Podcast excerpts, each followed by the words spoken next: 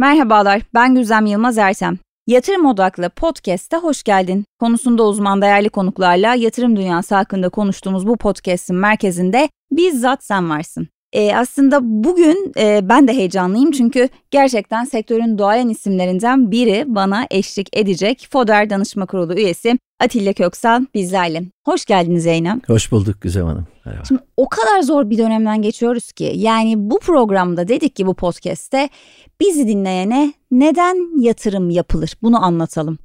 Ama çok bilinmeyen bir denklem gibi şu an. Hem Türkiye'nin hem dünyanın içinden geçtiği konjöktür. O yüzden önce onu sorayım.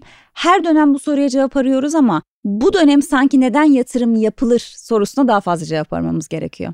Valla galiba haklısınız. Yani çok zor bir dönemden geçiyoruz dediğinizde ben de düşündüm. Yani geçmişte çok çok zorlu dönemler yaşadık. Yani ben 30 yıldır sermaye Hı. piyasasındayım. 1990'lı yıllarda, 2000'li yılların başındaki krizde, 2008'de, 2008 sonrası e, çok zorlu dönemler yaşadık ama bugünkü kadar e, belirsizliğin yüksek olduğu bir ortamı ben hiç hatırlamıyorum. Ve e, piyasalardaki e, fiyatlamaların da bu kadar belirsiz olduğu bir dönemi hiç hatırlamıyorum. Onun için yatırımcıların işi gerçekten çok zor. İsterseniz önce ilk çok ilk basit iki soruyla başlayalım. Yani neden birikim yaparız diye başlayalım. Çünkü bizim FODER'de biliyorsunuz Finansal Okuryazarlık ve Erişim Derneği'nde biz son derece basit mesajlar vermeye çalışıyoruz vatandaşlara. Onlara diyoruz ki bakın e, birikim yapmanız lazım. Çünkü birikim yaparsanız ileride finansal refaha ulaşmanız daha kolay olur. Yani bugün çalıştığınız dönemde işte elinize bir takım gelirler geçiyor. İşte maaşınız oluyor, ikramiyeniz oluyor. Belki biraz birikiminiz var ondan faiz alıyorsunuz. Ama ileride ileriki hayatınızda emekli olduktan sonra artık sosyal sigortalara güvenmek diye maalesef pek bir şey kalmıyor. Yani sosyal sigortalar sistemi zayıflıyor. Bu sadece bizde değil bütün dünyada böyle.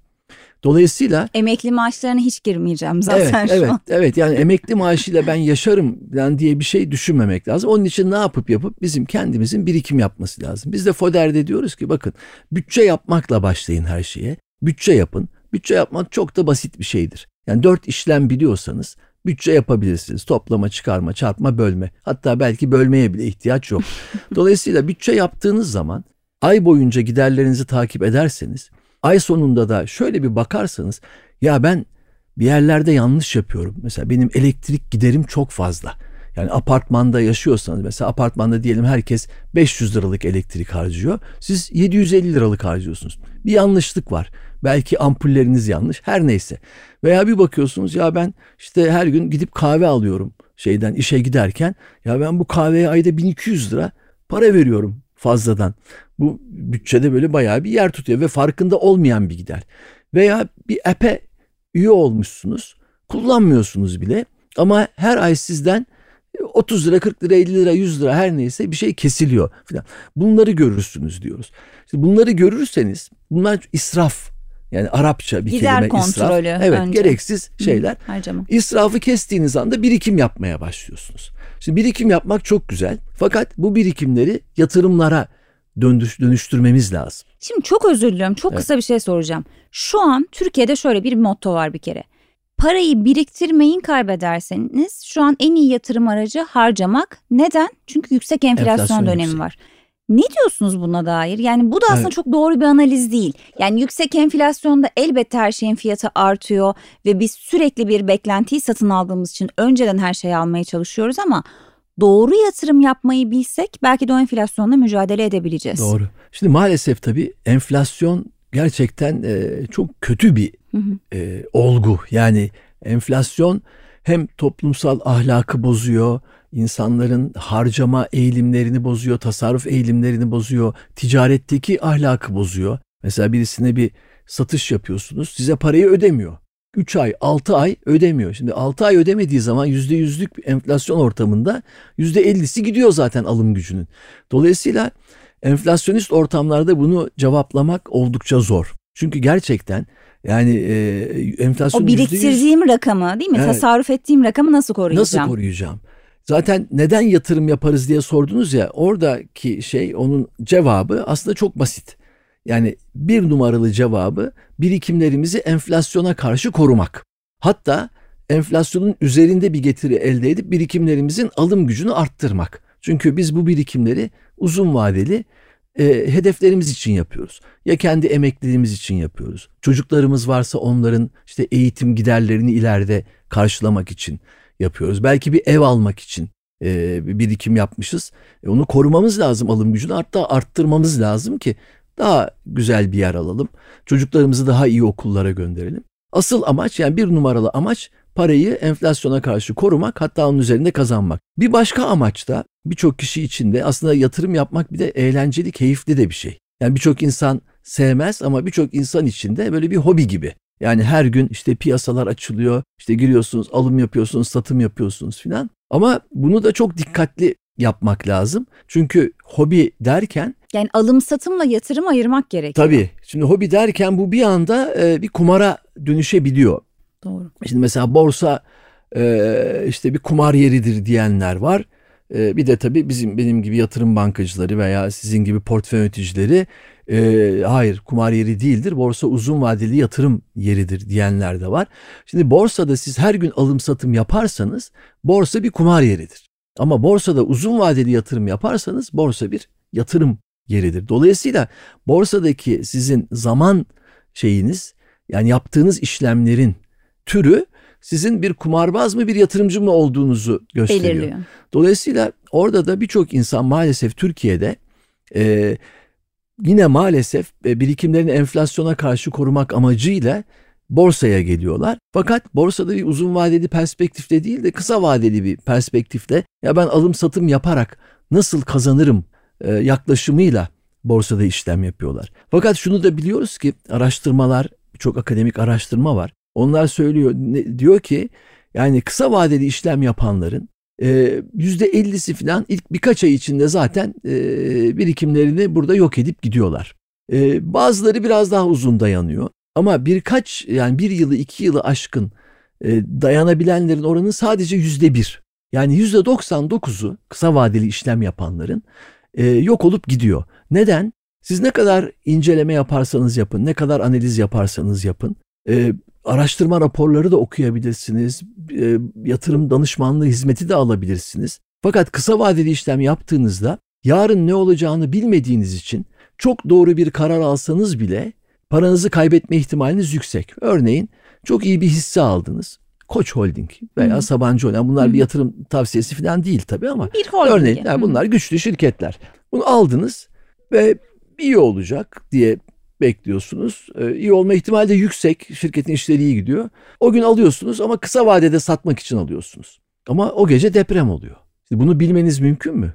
Veya o gece hiç beklenmedik. Başka bir olay oluyor. Veya o gece Amerika'da hiç beklenmedik bir faiz kararı açıklanıyor. Şimdi Doğru. her gün böyle onlarca gürültüye yüzlerce, maruz kalıyoruz aslında. Tabii onlarca Hı. yüzlerce olay var ki e, sizin hiçbir kontrolünüz e, içinde olmayan beklenmedik olaylar. Bunların bazıları sürpriz olarak pozitif de olabilir. Ama genelde bunlar negatif olur. Ve o ertesi gün siz paniğe kapılıp satarsınız o aldığınız iyi hisseyi. Sonra o hisse yükselir. Ama siz onu satmış olursunuz gibi. Onun için kısa vadeli yatırım yapmamak lazım. Uzun vadeli yatırım yapmak lazım.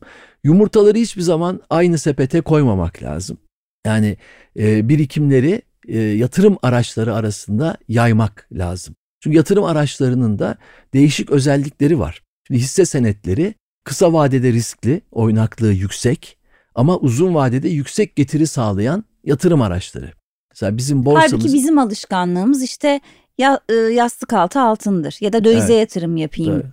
Tabii. Der hep psikoloji, Doğru. yatırımcı psikolojisi Doğru. ama uzun vadeli baktığınızda tablo başka bir şey söylüyor aslında. Kesinlikle. Tabii mesela e, ben işte yazdığım kitaplarda hep Hı-hı. böyle uzun vadeli e, yatırım araçlarının analizlerini yaptım. E, bunu da bütün e, işte FODER eğitimlerinde falan da gösteriyoruz. Bu arada ilgilenenler e, FODER e, sitesine girerlerse benim kitaplarımın orada linkleri var. Ücretsiz olarak onları indirebilirler. Aa, süper. Ne güzel. Geleceğe yatırım işte aileler için bir kitabım var arkadaşlarımla birlikte yazdığımız bir de teenagerlar için yani ergenlik çağındaki çocuklara yönelik bir kitabımız var. Onları indirebilirler. Şimdi oradaki yaptığımız çalışmalarda hep şunu gördük. Borsanın e, işte 37 yıllık bir tarihi var Türkiye'de.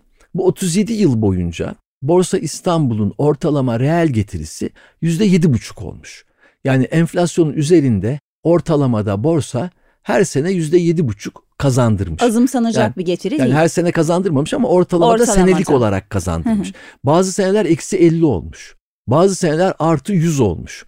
Fakat ortalama önemli bizim için. Çünkü uzun vadeli. Enflasyonla savaşmış ve üzerine de yüzde yedi buçuk ortalama getiri sağlamış. Şimdi çok sevdiğimiz altın dediniz ya kardeşim ben altın alırım başka da bir şey e, istemem dediğimiz altın yüzde 1.99 kazandırmış ortalamada. O da korumuş ama işte Daha borsanın düşük. üçte biri kadar Ancak. bir getiri hatta daha da az bir getiri sağlamış. Mevduat ya ben Türk lirası mevduat yaparım, iyi faiz alırım, döndürerek giderim dediğimiz mevduat koruyamamış. Enflasyonun biraz altında kalmış. Dolar, ben dolar alırım, evimde saklarım yastık altında ki çok büyük bir miktar Türkiye'de biliyorsunuz yastık altında saklanan dolar ve altın. Kaldı ki bankaya bile yatırılsa döviz faizi çok düşük olduğu için son dönemde değil mi? Orada Doğru. da çok büyük bir getirime de Maalesef. Şimdi onun da tabii düzelmesini bekliyoruz Hı. artık. Yani biraz e, yavaş yavaş bütün dünyada dolar faizleri yükseliyor. Döviz dövize verilen faizler yükseliyor. Ama e, evde sakladığınızın yani e, o da enflasyona karşı eriyor aslında. Yani dolar 26 lira olmasına rağmen bile bugün daha o 1986'dan beri yaptığımız analizde görüyoruz ki evde saklanan doların alım gücü... Yani ben 35-36 yıl önce o 100 doları aldım ve şu an baktığımda enflasyonun altında mı kalmış? Üçte birine düşmüş. Bakın alım gücü bu çok üçte ilginç. birine düşmüş. Evet yani bu gerçekten çok ilginç. Bugün burada olmasına rağmen yani 26 lira olmasına rağmen yani şu bu şu demek basit anlatımla o gün pazara gittiğinizde 3 file dolduruyordunuz. Bugün bir file doldurabiliyorsunuz. O 100 dolarla. Ama ben sağlamcıyım. Ben benim dolarım var. Değil işte. Anlatabiliyor muyum? Doğru. Onun için bunu yayacağız yatırım Hı. araçları arasında. Hisse senedimiz de olacak, altınımız da olacak. Dövizimiz de olabilir. Tabii dövizi döviz olarak tutmak yerine mesela Eurobond fonu alırsanız hı hı. E, bizim Eurobondlarımız şu anda yüzde altı, yedi hatta sekiz getiriyor. Doğru. E, dolayısıyla hem dövizden bir kazanç elde ediyorsunuz hem de Eurobond faizinden bir kazanç elde ediyorsunuz. Bir noktada aslında yatırımın vade süresinde uzatıyorsunuz. Yatırımda vade süresini o uzatıyorsunuz. O psikolojisinden biraz çıkıyorsunuz. Evet. Ve yapmanız gereken şey aslında e, şimdi Türkiye'de e, portföy yönetim şirketleri de çok gelişti. Hı hı. Bankalarımız da e, bu artık cep telefonları üzerinden, uygulamalar Doğru. üzerinden e, her enstrümanı sunuyorlar. Enstrümanı sunuyor. Açık bankacılık, açık yatırım konseptleri başladı. Bugün istediğiniz yatırım fonunu bankanızdan gidip alabiliyorsunuz. Ve dediğim gibi ya ben de çok uzun yıllar portföy yöneticiliği yaptım. Yani portföy yönetim şirketlerimizde böyle önemli ayrışmalar da başladı. Yani çok farklı hı hı. E, ve çok uzman arkadaşlarımız çıktı. Başarılı fonlar yönetiyorlar. Çok değişik fon sınıfları ortaya çıkmaya başladı. Yabancı yatırım araçlarına Doğru. da yabancı hisselere yatırım yapan fonlar var. Bunun yanı sıra e, bir de borsa yatırım fonları çok düşük maliyetli fonlar bunlar. İçinde de işte isterseniz bankacılık sektörüne yatırım yapan, sanayiye yatırım yapan, Hı. iyi temettü veren hisselere yatırım yapan, altına yatırım yapan var. Yurt dışında da bunun çok örnekleri var. Yani teknoloji hisselerine yatırım yapan fonlar, sağlık sektörüne yatırım yapan fonlar, borsa yatırım fonları bunlar. Dolayısıyla artık bu dijital çağda portföyü şekillendirmek, çeşitlendirmek çok kolaylaştı ve maliyetler çok düştü. Ben de bunun üzerine yeni bir kitap yazmaya başladım. Dijital çağda yatırım yapmak diye, e, dijital çağda yatırım diye. Dijital çağın getirdiği avantajlar. Tabii bir de bir takım tehditler de var. Çünkü artık cep telefonları üzerinden işlem yapmak çok kolay. Bu da bizi biraz kısa vadeciliğe itiyor. Psikolojimizi manipüle ediyorlar. ediyorlar ben öyle tabii. diyorum. Kesinlikle tabii. ediyor. Çünkü sürekli elimizin altında olduğu için Doğru. o haber sitesinden gelen son dakikalar o pushlar işte evet. bir anda e, hemen modumuzu değiştiriyor. İşte örneğin işte Türkiye'nin işte batıya yüzünü dönmesi haberleri. Çok Oradaki bir şey evet çıkıyor. çok pozitif bir şey çıkabiliyor. Doğru söylüyorsunuz. Tabii tabii. Onun için bu dış dünyadan gelen işte dürtme deniyor bunlara Hı-hı. biliyorsunuz. Nudge bunun da şeyi. Hı-hı. Yani birçok şey geliyor bilgi kirliliği oluşuyor. Yani çok fazla bilgi alıyoruz. Bu da e, karar e, felci diye bir şey var. İngilizcesi bunun decision paralysis. O kadar çok bilgi geliyor ki ya ben ne alayım? Yani yüzlerce fon, binlerce fon var. Onun için mümkün olduğu kadar kendimizi basit düşünmeye ve basit kendimiz için basit yatırım stratejileri oluşturmaya çalışmalıyız. O yüzden ben mesela bu borsa yatırım fonlarını çok şey buluyorum. Çok e, uygulaması kolay veya yatırım fonları e, makul ücretli yani yönetim ücreti çok yüksek olmayan çünkü bazı yatırım fonlarının yüzde üç üç buçuk gibi yüksek e, çok oluyor. yüksek. E şimdi ne diyoruz? Borsanın getirisi yedi buçuk diyoruz. Diğer taraftan S&P 500, Nasdaq gibi global endeksler yüzde on on buçuk getiriyor uzun vadede. E şimdi bundan üç buçuğu yöneticiye vermek yani böyle hani ortak olmak gibi bir şey Doğru, oluyor. Onun için makul e, oranlarda yani yüzde birin altındaki her türlü yönetim ücreti çok makuldür.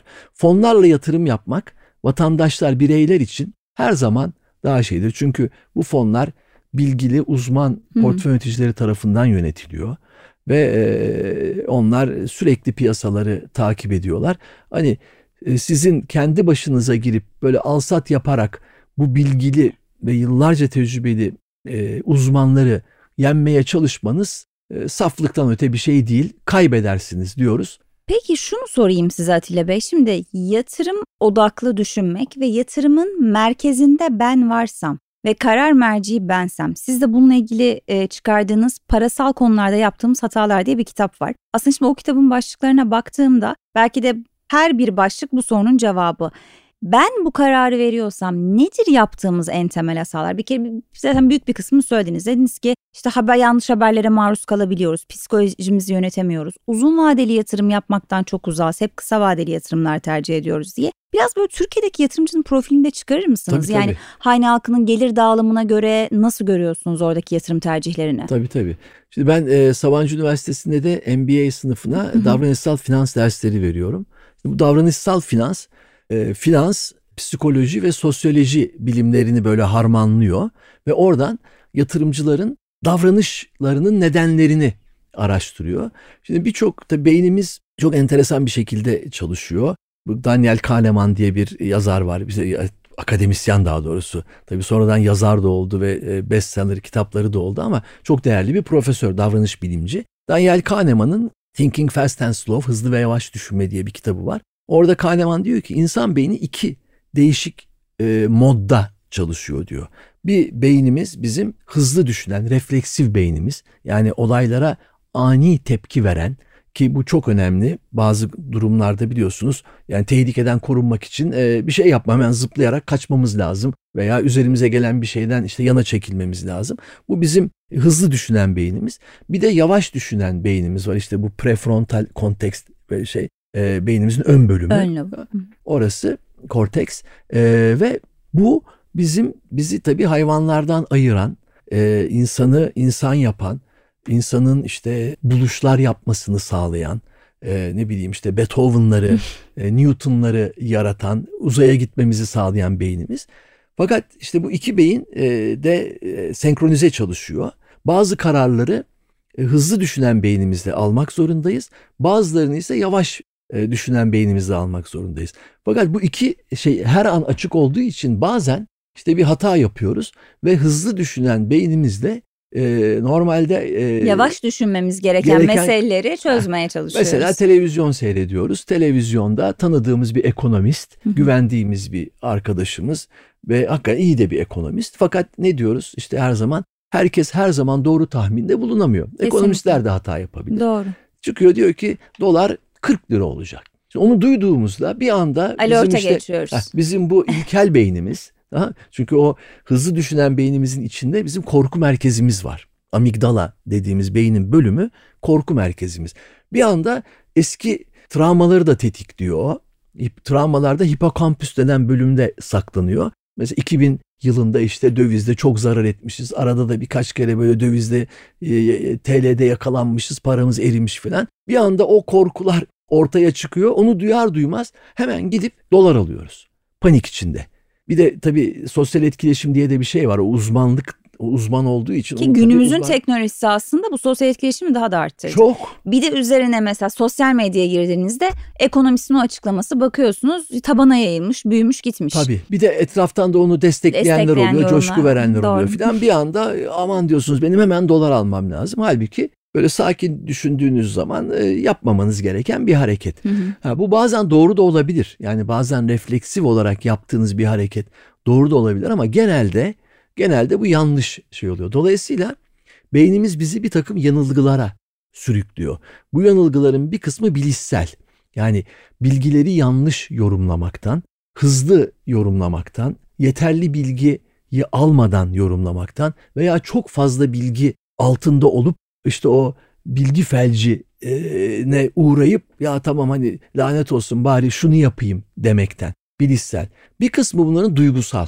Yani duygularımıza kapılıyor. Korkuyoruz, paniğe kapılıyoruz, e, endişeleniyoruz e, ve o yüzden hatalar yapıyoruz. Üçüncüsü ise sosyal. Birbirimizden etkileniyoruz. İşte arkadaşım Ahmet kripto para aldı, para kazandı, benim de almam lazım. Veya ne bileyim işte dediğim gibi o ekonomist böyle bir şey söyledi ya bu adam uzman, e, bu biliyordur. Benim bunu yapmam lazım. Veya akşamlar işte o Twitter Spaces gruplarında birbirlerine coşku veren şu hisseyi aldık işte hepimiz bu hisseye girelim gibi. Şimdi bu üç şey yani bilişsel, duygusal yanılgılar ve sosyal etkileşim maalesef bizim kararlarımızı sürekli etkiliyor ve genelde olumsuz e, sonuçlanmalarına neden oluyor. Onun için özellikle yatırım danışmanı arkadaşlarımızın ve portföy yönetimi e, yöneticisi arkadaşlarımızın bu kavramları iyi bilmelerinde fayda var. Yani davranışsal finans konseptlerini çünkü dediniz ya sıradan bir vatandaş nasıl şey yapıyor ee, onu iyi anlarsak biz de müşterilerimizi, yatırımcıları daha doğru yönlendirebiliriz. Çünkü onlardaki o yanılgıları görmemiz, insan bunu kendinde çok kontrol edemiyor. Fakat başkalarında çok net e, gözlemleyip e, düzeltici yönde tavsiyelerde bulunabiliyorsunuz. Peki son olarak size şunu soracağım. Şimdi Türkiye'de e, aslında küçük yatırımcı KY dediğimiz kavram son dönemde biraz daha fazla arttı. Bir işte halka arzlar, hisselerin üst üste çok hızlı tavan yapması, yükselmesi. İki bir anda e, özellikle yeni jenerasyonda bir kripto ekosistemine ilgi. Orada umduğunu bulamayınca borsaya gelen, kriptodan kopan orada kazanamadım bari burada kazanayım diyen bir grup. Ama bir şekilde toplam yatırımcı sayısı giderek büyüyor. Bardağı dolu tarafından mı boş tarafından mı bakalım? Yani bir yandan yatırımcı sayısının artması güzel ama bir yandan da ne kadar nitelikli sorusu akıllara geliyor elbette. Evet. Yani açıkçası ben borsadaki yatırımcı sayısının artmasından çok memnun değilim. Çünkü bunların çoğu kısa vadeli işlem yapmak için buraya geliyorlar. Hı. Ama bir şey daha var. E, yatırım fonlarına yatırım yapan bireysel emeklilik sistemindeki yatırımcı sayısı artıyor. Bu çok olumlu. Olumlu. Dolayısıyla borsada da maalesef tabii şu da olmuyor. Yani bir süre işlem yaptıktan sonra e, zarar edince borsaya küsüp gidiyorlar. Halbuki şunu öğrenseler ya ben kısa vadede borsada kazanamıyorum ama bu borsa denen şey uzun vadede kazandırıyor. Ben onun için fonlara geçeyim veya uzun vadeli hisse senedi alayım. alayım. Alıp unutayım. Hı hı. Genelde demiyor maalesef vatandaş ve sürekli o yatırımcı olarak, kalıcı da olmuyor. Olmuyor maalesef. Niteliği yani sağlıklı bir büyüme değil bu. Anladım. Onun için keşke hani gelse buraya vatandaşlar keşke hepsi kazansa ama e, işte kısa vadeli işlem yaptığınızda her zaman vatandaş kaybediyor ve ve sonunda borsaya küserek gidiyor. Bakın girin Twitter'a falan hep işte devletimiz bize şey yapsın işte biz çarpıldık ettik yok işte bir algoritmalar çarptı diyorlar. Bir mağduriyet Şirket var sahipleri yaratılıyor bilmem ne falan. Yani hep bir mazeret var ama asıl mazeret kısa vadeli işlem yapıyor olmak. Yani mazeret Doğru. değil asıl nedeni o. Dolayısıyla onu iyi anlamak ve uzun vadeli yatırımcı olmak lazım. Çok teşekkür ediyorum katıldığınız ve kıymetli görüşleriniz için. FODER Danışma Kurulu üyesi Atilla Köksal'ı ağırladık. Yatırım Odaklı Podcast'te bu hafta. Bizi dinlediğin için sana teşekkür ediyoruz. Odea.